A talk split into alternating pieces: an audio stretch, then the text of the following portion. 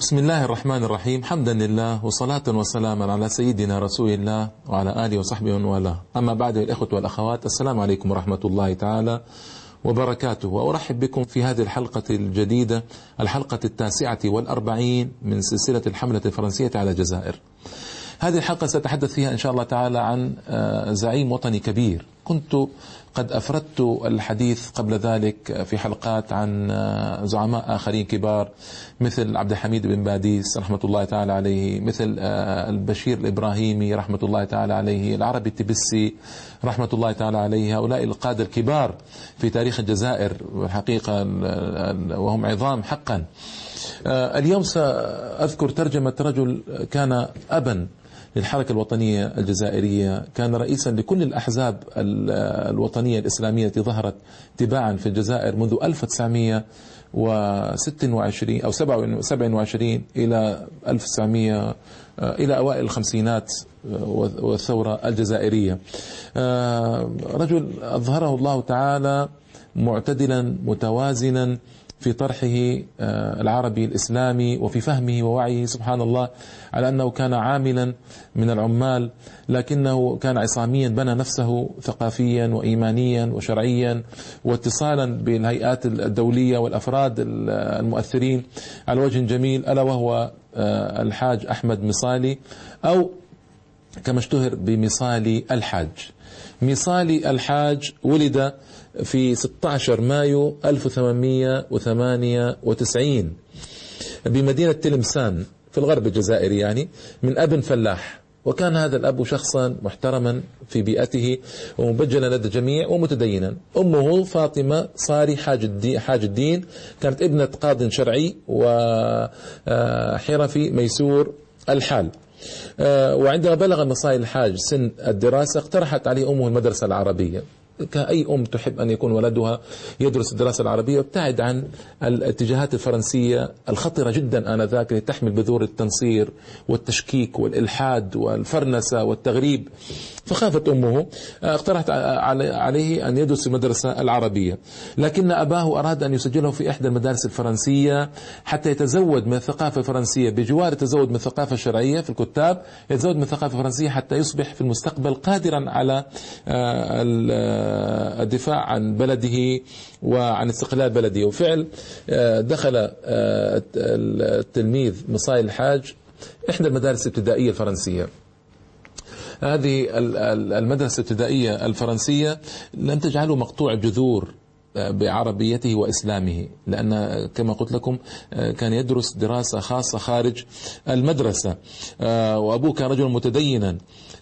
كان مصاي الحاج يتردد على الزاوية الصوفية وسنه 1905 كان يتعدى سبع سنوات كانوا مشاركين لاستقبال الرئيس الفرنسي الذي نزل إلى الجزائر آنذاك وزار تلمسان وبدأت يعني تظهر قناعاته ووعيه بالعمل منذ وقت مبكر. كما تأثر مصاي الحاج بالتجنيد الإجباري الذي جرى على جزائريين في ابتداء من العقد الأول من أواخر العقد الأول للقرن العشرين. وتحدث عن هذه القضية وجند هو في الجيش الفرنسي في 1918 ورقي إلى رتبة رقيب. وهذا التجنيد فتح له طبعا آفاقا كبيرة بعد ذلك واحتك بالمجتمع الفرنسي واستطاع بعد ذلك أن يصل إلى فهم هذا المجتمع. والمكث فيه مدة طويلة طويلة جدا. بعد تسريحه من الخدمة العسكرية تزوج بامرأة فرنسية على الطريقة الإسلامية يعني ليس بالطريقة المدنية بل بالطريقة الإسلامية وعمل كغيره من المغتربين في مصانع فرنسا. وكان طبعا في المصانع كان كثير الاحتجاج. لماذا؟ أنه كان يرى بأم عينيه التمييز العنصري الكبير بين الفرنسيين والجزائريين والرواتب الضخمة تعطى نسبيا يعني للفرنسيين مقابل الفتات الذي يعطى للجزائريين. وكان هذا الفتات أفضل بكثير من الفتات من أقل الفتات الذي يحصل عليه الجزائري في بلده. لذلك ذهبوا إلى فرنسا وأنا كنت تحدثت عن هذه القضية قبل ذلك. الذي دعا الجزائريين الذهاب إلى فرنسا هو الظلم الشديد لهم في الجزائر. فكان يأخذ العامل منهم أربع فرنكات في اليوم. وفي باريس يأخذ أربعين فرنكا عشرة أضعاف. بينما يعمل في الجزائر أربع عشرة ساعة ويعمل في آه، فرنسا ثمان ساعات فقط. انظروا الفارق الكبير والتمييز الكبير. مع ذلك مع ذلك هناك تمييز ومعاملة عنصرية آه، شديدة آه، للجزائريين في فرنسا. فكان دائما يعني يحتج ولا يرضى بهذه المعاملة المهينة. طبعا رجل عزيز بإسلامه عزيز بعروبته وجزأرته لا يقبل لا يقبل الظلم. مما جعل أصحاب المصانع يصفون بالمشوش بسبب احتجاجاته الدائمة والجريئة على مظاهر الاستغلال. طبعا هنا مصايل الحاج كان عصاميا. استغل وجوده في باريس ليدرس في السربون. طب كيف يدرس في السربون ما عنده شهادة؟ كأن يحضر مستمعا. في مدرجات السربون في آه، آه، مواد كثيرة تطرح فكان يتعلم من خلال الحضور كمستمع وكان هذا حلا معقولا آه، وما زال حلا معقولا هذا لكثير من الناس الذين ليس عندهم شهادات ويحضرون مدرجات الجامعات ليغترفوا العلوم بدون شهادة طبعا. آه، ولم تكن شهادة يوم مقياسا للثقافة ولا مقياسا للعلم كما نعلم. آه، تعرف هنالك في فرنسا على زعيم نهرو وتعرف على الأديب محمد ديب وكذلك تعرف وكان هذه نقطة النقطة الكبيرة في حياتي تعرف على شكيب أرسلان. وسيأتي هذا إن شاء الله تعالى آه، تفصيل التعرف. وغيره من الزعماء والكتاب المثقفين قادمين من بلاد المستخربات الفرنسية آه، إلى باريس. وتلك الفترة أصلا كان فيها آه، ميلاد كثير من الحركات التحررية في العالم لذلك تأثر مصايل الحاج رحمه الله بذلك كله. آه، وطبعا حفزته الأحداث الموجودة الثورة الكمالية في تركيا الفاسدة سقوط الخلافة سقوط السلطنة أولا في سنة 1922 سقوط الخلافة سنة 1924 الأحداث الكبيرة في العالم ثورة الريف آه، لمحمد بن كريم الخطابي ألف آه، في العشرينات 24 ومن 21 إلى 26 تقريبا. كل هذا أدى إلى نضوج فكره السياسي ونضوج أعماله ورؤاه وأفكاره السياسية. انخرط في الحزب الشيوعي الفرنسي في البدايات ثم أسس الحزب شمال نجم شمال إفريقيا في 1926 مع الحاج علي عبد القادر. وطبعا هذا الحزب كان موجها لكل الدول المغرب العربي لم يكن فقط مختصا بالجزائر. آه، عندما نقول كل دول المغرب العربي نقصد تونس والجزائر ومراكش التي كانت تعرف بمراكش يعني المغرب الأقصى اليوم. آه، الحزب الشيوعي كان له تأثير على الحزب نجم شمال إفريقيا لكن آه، مصايل الحاج الذي تولى الحزب رئاسة الحزب سنة, السنة التي بعدها سنة 1927 ذهب إلى مؤتمر في بروكسل وكان مؤتمر مناهضا للإمبريالية العالمية وطرح أفكاره بوضوح تنادي لاستقلال الجزائر. أغضب هذا الحزب الشيوعي الفرنسي أن الحزب الشيوعي الفرنسي في النهاية وابن فرنسا ويدافع عن مصالح فرنسا مهما ادعى غير ذلك وأدى ذلك إلى انسحاب الحزب الشيوعي من آه، النجم وهذا أدى بالسلطات الفرنسية إلى حله بعد ذلك في نوفمبر 20 نوفمبر سنة 1929 بعد تكوين بقرابة ثلاث سنوات ونيف. هذا يعني يفهمنا أن التنسيق الكبير بين الحزب الشيوعي الفرنسي وبين فرنسا وأن المصالح تطغى على المبادئ دوما وأبدا عند هؤلاء. اضطر مصالح لإنشاء حزب جديد تحت اسم نجم شمال إفريقيا المجيد. يعني أضاف كلمة المجيد. وبرزت كفاءة مصالي بقيادة الحزب وتوجيه سياسات الوطنية المستقلة وانتخب آه، سنة 1933 رئيسا للحزب. أوقف في نوفمبر 1934 بتهمة إعادة تنظيم جمعية منحلة. حكم عليه بالسجن ستة أشهر نافذة وغرامة مالية. آه، خرج من السجن ذهب إلى جنيف في سويسرا واتصل بالأمير شكيب أرسلان. وعندما تولت الجبهة الشعبية اليسارية الحكم في فرنسا في 1936 أصدرت العفو العام فعاد مصالي إلى باريس. ثم عاد إلى الجزائر وحضر المؤتمر الإسلامي الجزائري. آه، قصة المؤتمر الإسلامي الجزائري باختصار آه، أول مؤتمر في الجزائر تضم له جميع الاتجاهات الجزائرية من الاتجاهات الوطنية وجميع العلماء المسلمين وكتلة الاندماج وكل والنخبة كل الكتل والاتجاهات والجمعيات شاركت تقريبا يعني شاركت في هذا المؤتمر الجامعي الذي قام سنة 1900 و36 وحضر رموز كبار من بشير إبراهيمي عبد الحميد بن باديس الطيب العقبي فرحات عباس بن جلول كل الاتجاهات كل الاتجاهات شاركت في المؤتمر. وهذا المؤتمر عقد في قاعة سينما في الجزائر وحضروا قرابة 2000 شخص وخرجوا بقرارات. هذه القرارات تلخيصها بالتالي إلغاء المعاملات الخاصة بالجزائريين إلغاء المحاكم العسكرية والعفو عن المحكوم عليهم في حوادث قسنطينة سنة 1934 المساواة بين النواب المسلمين والفرنسيين اعتبار اللغة العربية لغة رسمية لجانب الفرنسية تحرير الدين الإسلامي من سيطرة الدولة الفرنسية إلى آخر. المطالب المعروفة التي لا ترمي إلى الاستقلال عن فرنسا لكنها ترمي إلى إيجاد حل شبه عادل للجزائريين. آه، نتائج المؤتمر بعد المؤتمر آه، انتخب مجموعة لتذهب إلى باريس لتقدم آه، مقترحات المؤتمر إلى فرنسا. ذهب عبد الحميد بن باديس والدكتور ابن جلول في 23 يوليو 1936 والتقوا برئيس الحكومة الفرنسية ليون بلوم وسلموه المطالب. ووعد رئيس الحكومة بدراسة تلك المطالب. عادوا بدون شيء تقريبا. آه، وعقد جمعا شعبيا كبيرا يوم 2 أغسطس 1936 1936 بالملعب البلدي. وعاد مع الوفد زعيم نجم شمال إفريقيا مصالي الحاج. وأثناء التجمع آه، طرحت كلمات لعبد الحميد بن باديس ومصالي الحاج تكلم وأخذ آه، مصالي الحاج قبضة من تراب الملعب ورفعها أمام الناس وقال هذه أرضنا وليست للبيع. وصاح بالمؤتمرين باستقلال الجزائر عن فرنسا وكان طبعا هذا حدثا عجيبا ولا تنسوا أن مصالي هو أول من نادى مطلقا باستقلال الجزائر عن فرنسا في مؤتمر بروكسل في بلجيكا سنة 1927 أول من نادى مطلقا من زعماء الجزائريين. طبعا حمل على الأعناق وطيف به في الملعب وكان حماسا كبيرا جدا. هذا قصة المؤتمر الجزائري بخت... المؤتمر الإسلامي الجزائري باختصار آه، شديد. طبعا آه، وهنا في 25 يناير, يناير 1937 آه، حلت جمعية النجم المجيد. و...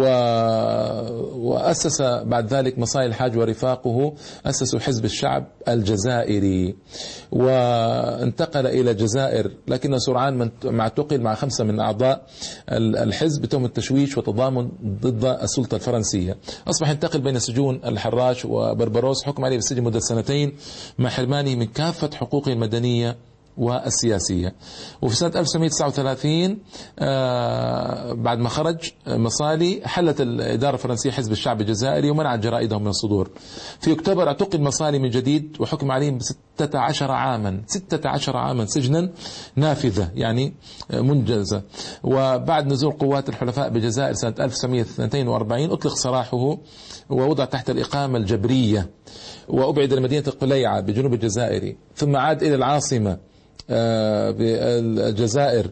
عاد إلى العاصمة وأسس حركة الانتصار للحريات الديمقراطية التي تحدثتكم عنها في الحلقة السابقة. وهذا جيد التكرار حتى يربط الإخوة والأخوات بالحلقات بعضها ببعض في ذهنهم. آه، حركة انتصار الحريات الديمقراطية آه، نتج عنها المنظمة السرية وهي التي تعتبر النواة الأولى المفجرة للثورة. آه، وذلك طبعا بعد الانشقاقات التي وقعت آه، حدثتكم عنها في حزب الشعب بين المصاليين والمركزيين يعني آه، مصالي ومجموعته وبين اللجنة المركزية للحزب. حصل في نقاء يعني شقاقات كبيرة ومشكلات شقاقات عقبتها انشقاقات. آه، وظهرت آه، لجان لجنة الثورية الوحدة والعمل واللجنة الخاصة وهذا سيأتي الحديث عنها بتفصيل لكن مصالي رفض رفض التعاون معها وأسس لجنة ثانية اسمها لجنة الثورة الجزائرية.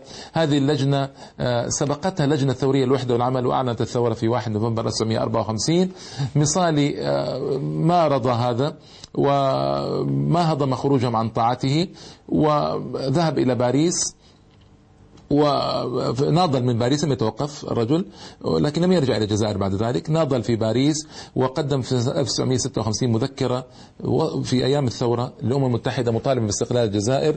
آه، رفض الدعوة التي وجهها له ديغول آه، سنة 1960 لتفاوض حول الاستقلال.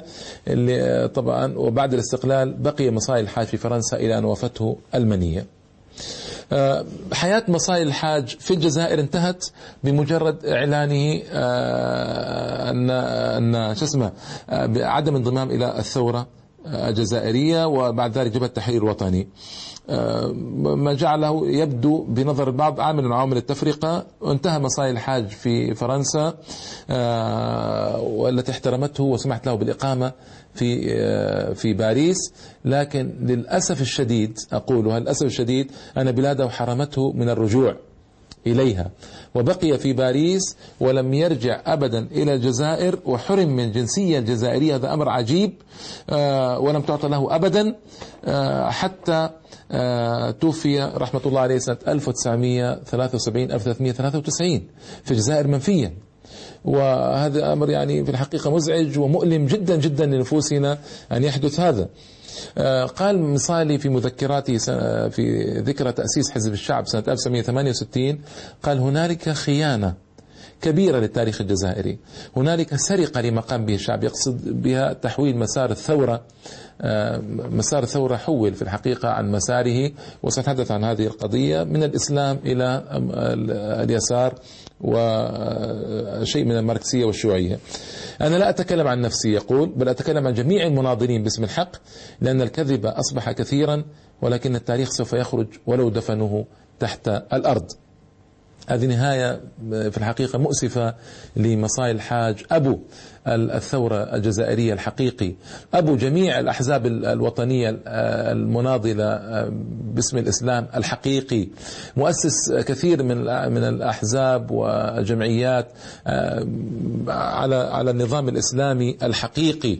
أنا بالحقيقة أريد أن يعني أقرأ عليكم هنا نصا مؤسفا ذكره الأستاذ توفيق الشاوي قال إن بن بلة نفسه بعد خروجه من إقامته الجبرية التي فرض عليه بومدين بعد انقلابه عليه في سنة 1965 نعرف هذا ما أتيت عليه بعد لكن آه، بن بلة كان هو أول رئيس الجزائر بعد الثورة والاستقلال. آه، مكث آه، قرابة ثلاث سنوات وانقلب عليه بعد ذلك هواري بومدين محمد خروبة اسمه الحقيقي. انقلب عليه وبعد ذلك في 1965 ووضعه في إقامة جبرية طويلة جدا. مكث سنوات طويلة في إقامة جبرية ومشكلات كانت بينهم سأذكرها إن شاء الله سأشرحها بإيجاز. كان أول ما فعله بن بلة بعد ما خرج من السجن هو التوجه إلى قبر مصالي الحاج ليترحم عليه ويعتذر للتاريخ عما اقترفه في حقه هو وإخوانه الذين سيطروا على جبهة التحرير وكتب مقدمة لمذكرات مصالي الحاج التي نشرها أحد أعوانه بعد وفاته معتذرا عن أخطائه وأخطاء إخوانه في هذا الصدد. نعم أخطأوا كثيرا في حق مصالي الحاج. لا شك وسيأتي آه، يعني ذكر تفصيل لهذا الخطأ الذي أخطأوه. آه، الأستاذ توفيق الشاوي هو أحد آه، أعضاء جماعة الإخوان المسلمين في مصر وهو أستاذ قانوني دكتور في القانون. وهو له صلاته الكبيرة في العمل الإسلامي في الجزائر. صلات ضخمة كبيرة جدا في الحقيقة ودفعوا إلى ذلك جملة من العوامل. الفضيل الورتيلاني سآتي على ترجمته إن شاء الله تعالى رجل من كبار الجزائريين الثوريين المناضلين المسلمين الذين كانوا من جمعية العلماء المسلمين في الجزائر ونصروا الثورة. وله أعمال جليلة في اليمن ولإنقاذ اليمنيين من حكم الإمام الجائر السلطوي. آه، المهم فضيل ورثلاني كان ممن دفع توفيق الشاوي للعمل من أجل الجزائر وفعلا توفيق الشاوي عمل طويلا من أجل الجزائر وتنقل وخاطر بحياته طويلا من أجل الجزائر. وله كتاب جميل اسمه مذكرات نصف قرن من العمل الإسلامي. مذكرات نصف قرن من العمل الإسلامي كتاب جميل للأستاذ توفيق الشاوي رحمة الله تعالى عليه. تحدث فيه عن قضايا كثيرة قضايا الناصرية وقضايا تونس والمغرب والجزائر. بتكلم كلاما طويلا في الحقيقة. أنا أجتزئ منه بعض الأشياء الخاصة بمصالي. المسألة الآن ترجمة مصالي. قال في أحد لقاءاتي مع مصالي الحاج سنة 1946 بادرني بقول إنه يريد مني خدمة عاجلة وهي أن أكتب على لساني خطابا بالعربية إلى الأمير شكيب أرسلان في سويسرا أبلغه فيه تحياتي وتمنياتي ورغبته في أن يزوره في أقرب فرصة ممكنة. متى استرد حريته في الحركة؟ أنه كان ذاك تحت الإقامة جبرية. وقص علي هو يقول أستاذ توفيق الشاوي قص عليه مصالي قصة أول لقاء له مع شكيب أرسلان حيث توجه إليه مع بعض رفاقه عندما ذهب إلى بروكسل. حدثتكم عن هذا. وزاروه في منزله بعد أن علموا باتصاله ببعض رجال المغرب الأقصى. آه قال لي إنه ساعد كثيرا بالحديث مع هذا الأمير الشرقي الذي يعيش في منفاه بأوروبا وأن لقاءه معه كان نقطة تحول في حياته لأن وجهته من التحول من العمل النقابي الأستاذ مصالي الحاج رحمه الله ابتدأ حياته عاملا عملا نقابيا. للعمال ووضع العمال وتحسين وضع العمال في الجزائر وفرنسا إلى آخره. حوله شكيب أرسلان من العمل النقابي إلى الكفاح الوطني على أساس أولوية الواجب الديني للدفاع عن الإسلام على العمل النقابي. لأن الاستعمار إنما يهدد الإسلام في بلاده وليس فقط حقوق الأفراد. قال إنه كشف له اسمع هذا كلام مهم ومهم جدا وأثر كثيرا في مصائر الحاج وفي تحوله إلى الإسلام الواضح النقي. قال لأن آه، كشف له أي شكيب أرسلان كشف لمصالي أن العقيدة الإسلامية هي مصدر القوة ومنبع منبع الطاقة منبع الطاقة الهائلة التي تمكن شعبنا من النصر على الاستخراب. وإنها هي الضمان الوحيد لصمودنا وثباتنا واستعدادنا للبذل وصبرنا على المحن حتى يمن الله علينا بالنصر أو الشهادة. ما شاء الله. إذا كان آه، أمر الإسلام وعقيدة الإسلام والجهاد في سبيل الله واضحا كل الوضوح في ذهن مصاي الحاج. ولقد قال لي إنه منذ ذلك التاريخ بدأ يعني قال آه، مصاي الحاج للدكتور توفيق الشاوي. منذ ذلك التاريخ بدأ بإنشاء جمعية نجم أفريقيا للدفاع عن الإسلام آه، وكان يبعث الأمير بتحياته من حين لآخر مع بعض المسافرين إلى سويسرا وأكثرهم كانوا من أبناء المغرب الأقصى الذين أيقظت كتابات الأمير شكيب أرسلان فيهم روح المقاومة للسياسة الاستخرابية الفرنسية. وبعد أن كشف لهم أي شكيب أرسلان بكتاباته ورسائله أن فرنسا تخطط للهجوم على الإسلام واقتلاع عقيدته وشريعته من شمال إفريقيا لتكون أرضا جرداء تغرقها فرنسا بلغتها وثقافتها بعد أن سيطرت عليها بجيوشها وإدارتها. كلام رائع. وكلام جميل وجميل جدا في الحقيقة آه، من آه، أستاذ توفيق الشاوي في آه، بيان التوجه الإسلامي الكبير الذي حصل لمصائل الحاج بفضل الله تعالى ثم بمعاونة شكيب أرسلان الأمير الكبير له. وشكيب أرسلان له في الحقيقة فضائل كبيرة جدا على أعمال كثيرة جدا في العالم العربي والإسلامي. ليس هذا وقت الحديث عنه ربما أفرد له حلقات فيما بعد إن شاء الله تعالى. آه، قال مصالي الحاج لتوفيق الشاوي إن المحقق العسكري الفرنسي قد سأل مصالي عن سبب تعلقه بعروبة الجزائر. أجابه قائلا إن الدم الذي يجري في عروقه هو دم عربي وأن العروبة هي وعاء الإسلام. انظروا هذا الفهم الرائع. آه، لأن في مدته كثير من الناس تشوش فهمه حول العروبة. وظن أنها شيء مضاد للإسلام أو مناقض للإسلام. قال لا أبدا العروبة هي وعاء الإسلام وهو أي الإسلام عقيدة الجزائر كلها. ولذلك لا يمكن له أن يتخلى عن هذه الصفة. أبدا. ويقول الآن أتصور أن دسوا له من يقول له إن عروبة اليوم قد تدنت وفسدت وبعدت عن أصولها الإسلامية. آه طبعا هذا أمر معلوم مما جرى بعد ذلك على على آه على مصالي الحاج رحمة الله تعالى عليه.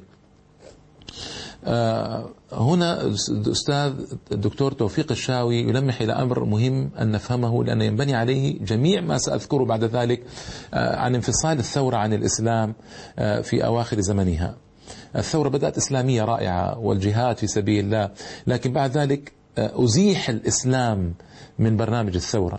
يقول آه، أستاذ توفيق الشاوي بقاء مصالي على رأس الحركة كان يتعارض رأس الحركة حركة انتصار للحرية الديمقراطية وحزب الشعب وحدثتكم بهذا كله كان يتعارض مع استراتيجية الاستخراب الفرنسي. لأن المخابرات والحكومة الفرنسية يعرفون أنه تمسكه بأصالته الإسلامية والعربية وأنه لا يمكن بحال من الأحوال تحويله عن هذا الاتجاه الذي يصممون على اقتلاعه من شمال إفريقيا سواء كانت تحت حكمهم أو حصلت على استقلالها الوطني. ولو وجدوا منه مرونة كما وجدوا عند بورقيبة لاتفقوا معه مباشرة كما فعلوا مع برقيبة ولاتفقوا معه كما فعلوا مع بن بلة. لكن كما اتفقوا مع بن بلة. لكن يتضح لي يقول هو الدكتور توفيق الشاوي أن الهدف الاستخرابي في هذه المرحلة هو إيجاد وطنيين يقتنعون بأن بعدهم عن الإسلام أو عداءهم له هو الذي يمكنهم من التفاهم مع القوى الأجنبية. وجني ثمار هذا التفاهم كما جنى جناها أتاتورك وأصحابه في تركيا وبرقيبة في تونس ولا أتكلم عن صديقي بن بلة. طبعا يعني من باب الأدب ولا بن بلة أيضا نفس الشيء. سأشرح بإذن الله تعالى المزيد عن توجه مصالي والمنظمة الخاصة واللجنة الثورية الوحدة والعمل وموقف مصالي من ذلك كله. والله أعلم وأحكم وأجل وأعظم وإلى اللقاء والإخوة والأخوات في الحلقة القادمة والسلام عليكم ورحمة الله تعالى وبركاته.